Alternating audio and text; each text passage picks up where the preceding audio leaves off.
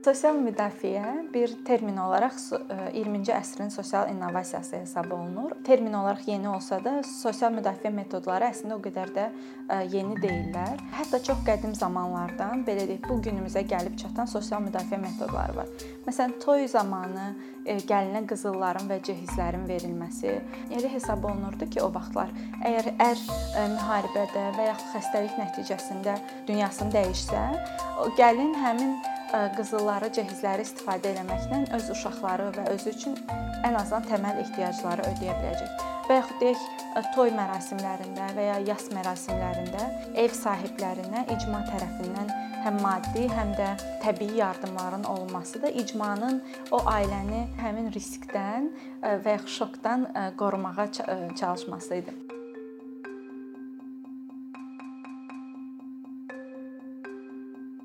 Yəqin ki, hamımızın ağlına gəlir lotereya oynamaq deyə bir belə deyək, bir şey var idi əvvəllər. Bu əvvəllər icma içərisində, belə deyək, icma üzvlərinin bir-birlərini müdafiə eləmək üçün yaratdıqları kiçik bir fond idi o lotereya dediyimiz şey. Harda ki, hamı deyək ki, ora hər ay bir iyanə eləyirdi və hər ay icma üzvü bir icma üzvü o məbləği öz ehtiyaclarını ödəmək üçün, öz vəziyyətini yaxşı, rifahını yaxşılaşdırmaq üçün istifadə eləyirdi. Sosial müdafiə ümumiyyətlə insanların rifahına mənfi təsir eləyən, onları yoxsulluğa düçar eləyə biləcək hadisələrin qarşısının alınması, onların idarə edilməsi və təsirinin azaldılmasını özündə ehtiva edən bir mexanizmdir. Xidmətlər və proqramlar toplusudur, belə deyək. Həm e, universal insan haqqları bəyannaməsində, həm də e, sosial, iqtisadi və mədəni hüquqlar üzrə konvensiyada sosial müdafiə insan hüquqlarından biri kimi qeyd olunubdur. Və həmin sənədlərə e, tərəfdaş çıxan, onları imzalayan ölkələrdə, dövlətlərdə öz əhalilərinin sosial müdafiə hüququnun təmin olunması öhdəliyini götürürlər və bu öhdəliyi yerinə yetirmək üçün bütün mümkün resurslarından istifadə elə eləməlidirlər. Sosial müdafiə insanlara kömək eləyir ki, onlar qarşılaşdıkları riskləri və şokları tək başına atlata bilsinlər, belə deyək. Onlar öhdəsindən gələ bilsinlər. Risklər və şoklar deyəndə nəyi nəzərdə tuturuq? Burada çox geniş belə deyək də hadisələr toplusu nəzərdə tuturuq, hansı ki bizi yoxsul edə bilər. Deyək ki, təbii fəlakətlər, müharibələr, xəstəliklər, pandemiyalar, əlillik, ailə başçısını itirmək və s. kimi belə deyək, hadisələr nəzərdə tutulur. Əslində sosial müdafiənin əsas məqsədi odur ki, insanlara tək başına bu şoklarla mübarizə aparmağa kömək eləsin. Amma elə hallar ola bilər ki, onda insan insanlar tək başına mübarizə apara bilmirlər.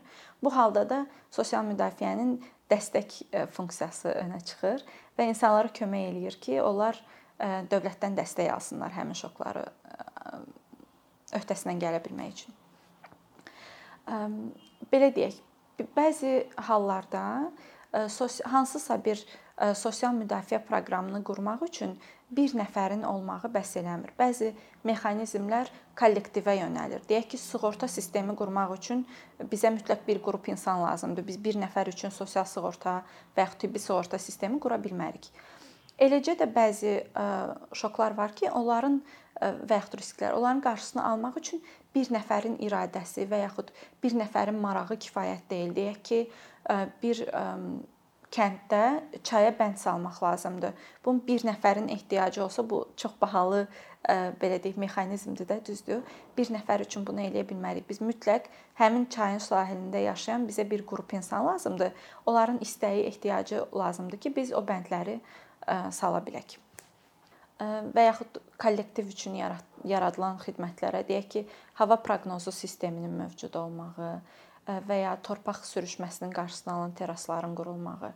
Bu belə deyək, bir qrup insanın, bütün əhalinin rifahının yaxşılaşdırılmasına təsir eləyə biləcək ictimai əmtəələrdir bunlar və belə deyək də həm də dövlətin bir növ sərmayəsidir ki, o əhalinin təbii fəlakətdən qoruyur və əhali belə deyək də rahat olur iqtisadi inkişafa töhfə verməyə çalışır.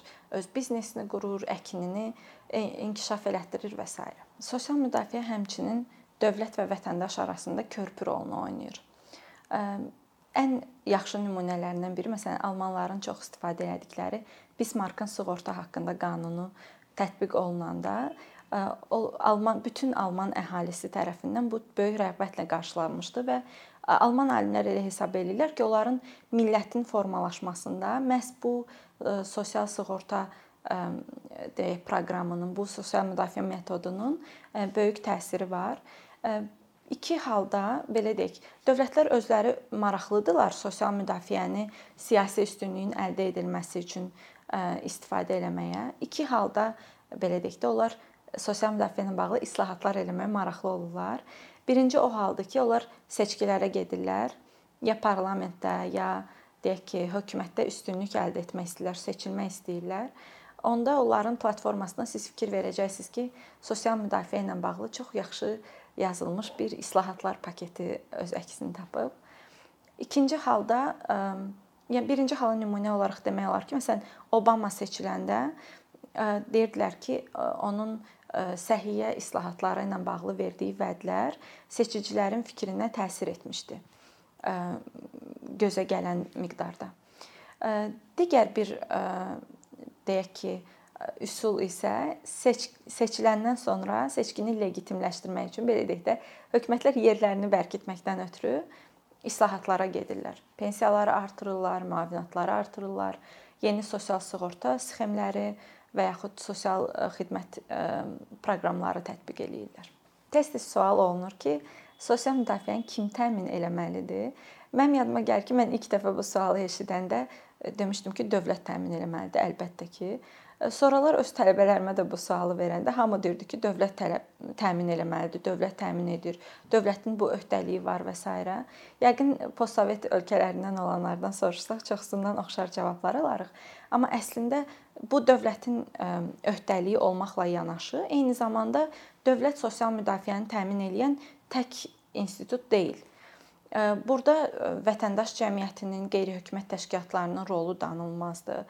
Böyük sığorta şirkətlərinin, böyük işə götürənlərin fikir versəniz, bir çox işə götürənin, belə deyək, hansılar ki, minlərlə işçiləri var, onların özlərinin sosial sığorta və ya sosial müdafiə paketləri olur balaca.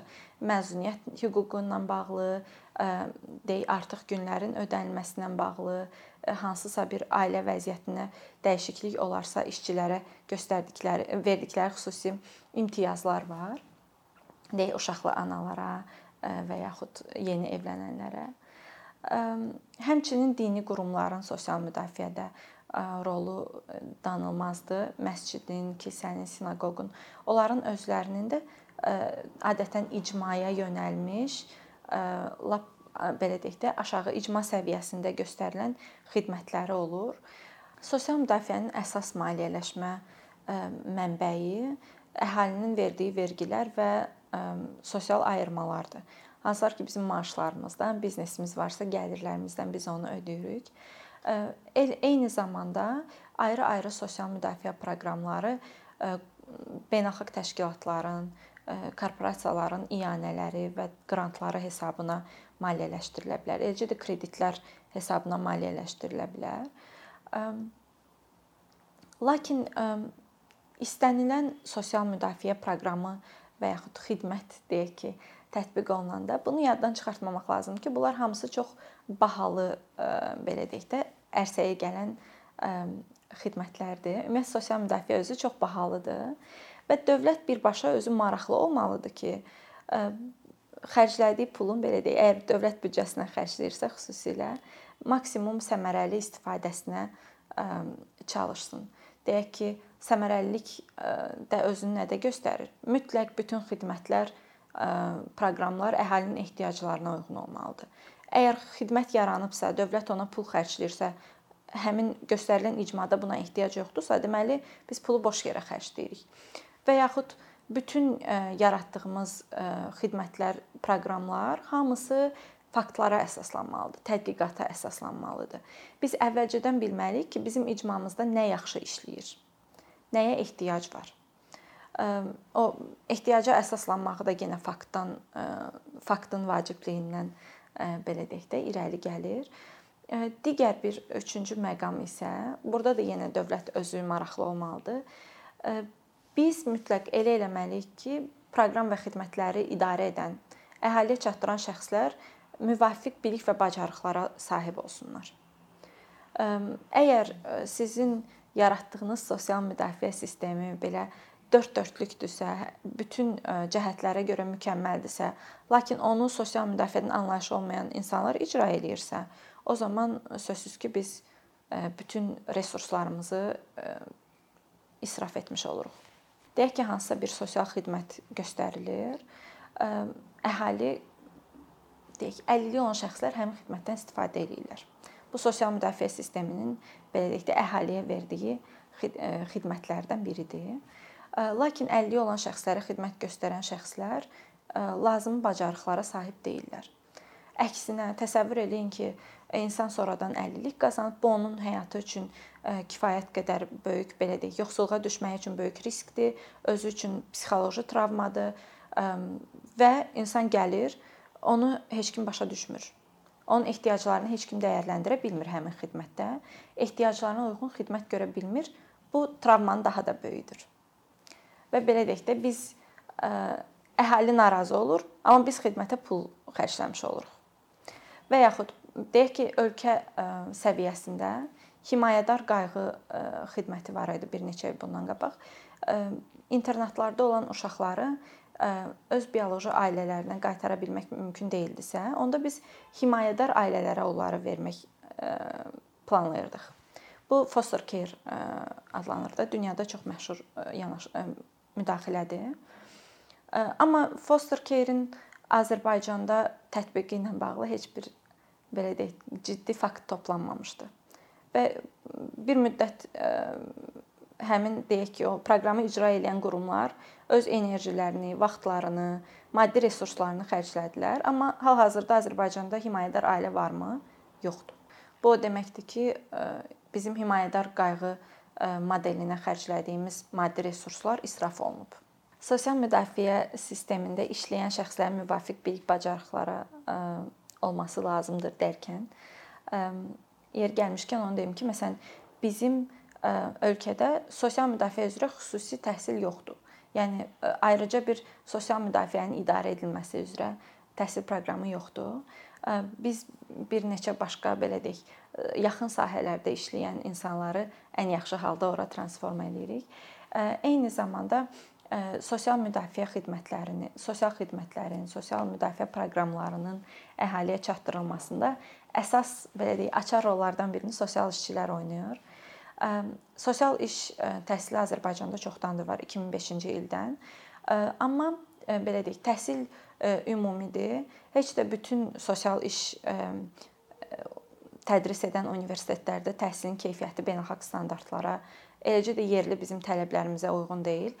İşə götürənlərdən çox belə şikayət eşidə bilərsiniz ki, onlar sosial iş məzunu gəlir, lakin lazım olan ən təməl bacarıqlara belə hərdən yiyələnməmiş olur. Bu o deməkdir ki, universitetdə onu yaxşı öyrətmirlər.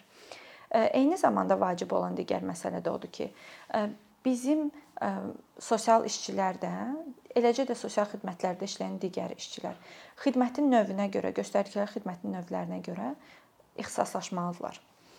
Bizdə hər şeyin təhsili çox ümumidir.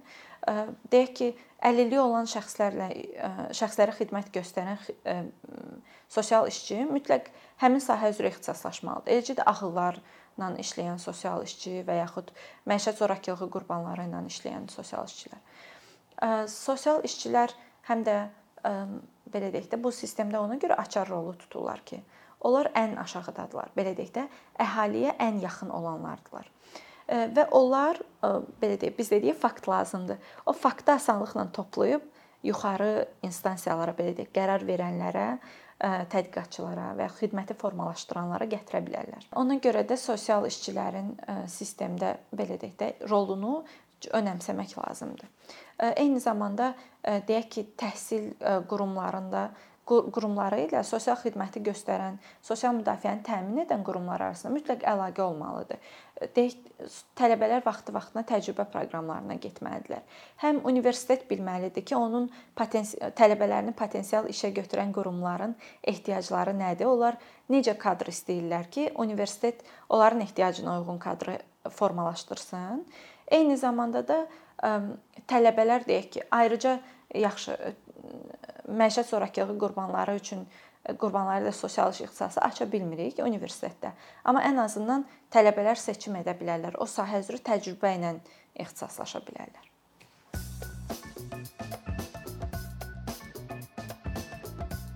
Bir neçə ildir ki, əkinçi olaraq azərbaycanlı izləyicilərin hər zaman faydalana biləcəyi keyfiyyətli və ən əsas ödənişsiz kontent hazırlamağa çalışırıq. İndiyədək təqdim etdiyimiz onlarla animasiya və yüzlərlə çəkilişlər tələbələrin, mütəxəssislərin, müəllimlərin və ümumiyyətlə yeni mövzulardan xəbərdar olmaq istəyən çox sayda insanın marağına səbəb olub.